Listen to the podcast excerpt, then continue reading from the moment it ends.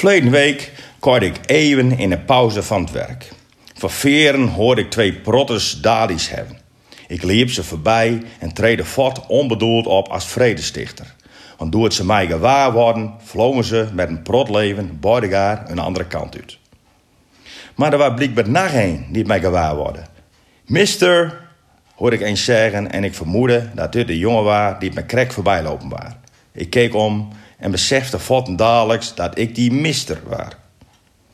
Hij kon het geen Engels. Ik had wel deur dat hij ergens heen moest dat hij niet fine kon. Maar ja, krijg dat er maar eens uit. I speak only Arabian, verontschuldigde hij hem. Am a Libyan. Hoe ik het nog zeg, zo goed zou hij dat dus niet.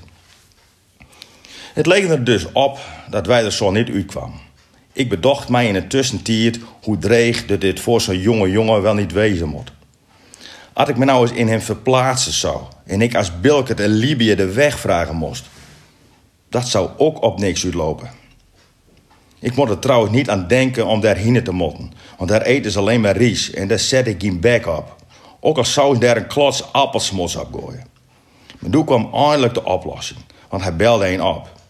Waarom hij dat niet eerder deed, weet ik niet. Maar die man aan de andere kant was een Nederlander en zo hoorde ik van hem dat de Libiër naar sportcentrum de Beeldse Slag moest. Dat was niet zo moeilijk uit te leggen, want hij hoefde van het plak oor dat wij stonden alleen maar rechtdoor. Toen ik weer verder liep, dacht ik direct aan wat ik eerder die week metmaakte in een kringelopwinkel van Santana. Daar was een asielzoekster, hoe lang magen we dat woord eigenlijk nog zeggen, die stapels kleren kocht had voor me 85 euro.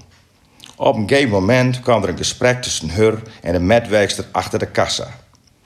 Vanzelfs kon die asielzoekster geen Nederlands. Maar vreemd genoeg kon het frommes achter de balie nauwelijks Engels. Heel nieuw, want ik geloof dat er in die winkel een prot asielzoekers komen. Dan hoor je als metwerkster toch Engels te kennen. Nou, zij kon het nauwelijks. Daardoor ontstond een moeilijke situatie en het scoort maar niet op. Ik, wachtend in de rij bij de kassa, besloot mij als tolk tussen die twee aan te melden. Ik stapte naar voren en deed in die tussentijd naar gauw de chameleonboeken achter mijn rug. Wat aan zou ik misschien niet geloofwaardig overkomen. Want ken het wel dat een volwassen vent chameleonboeken voor hemzelf koopt en leest? Oké, misschien is het een guilty pleasure, maar deze boeken geven mij een prot ontspanning na mijn werk en of vrijwilligerswerk. Al erger ik mij altijd blauw aan die opscorten jongens van Klinkhamer... die het alleen maar varen en verder in klappen uitvoeren. Zoek eens vakantiewerk, denk ik dan. Waarom hebben je hem aas altijd een overal aan? Maar goed, ik lees zelfs ook andere boeken.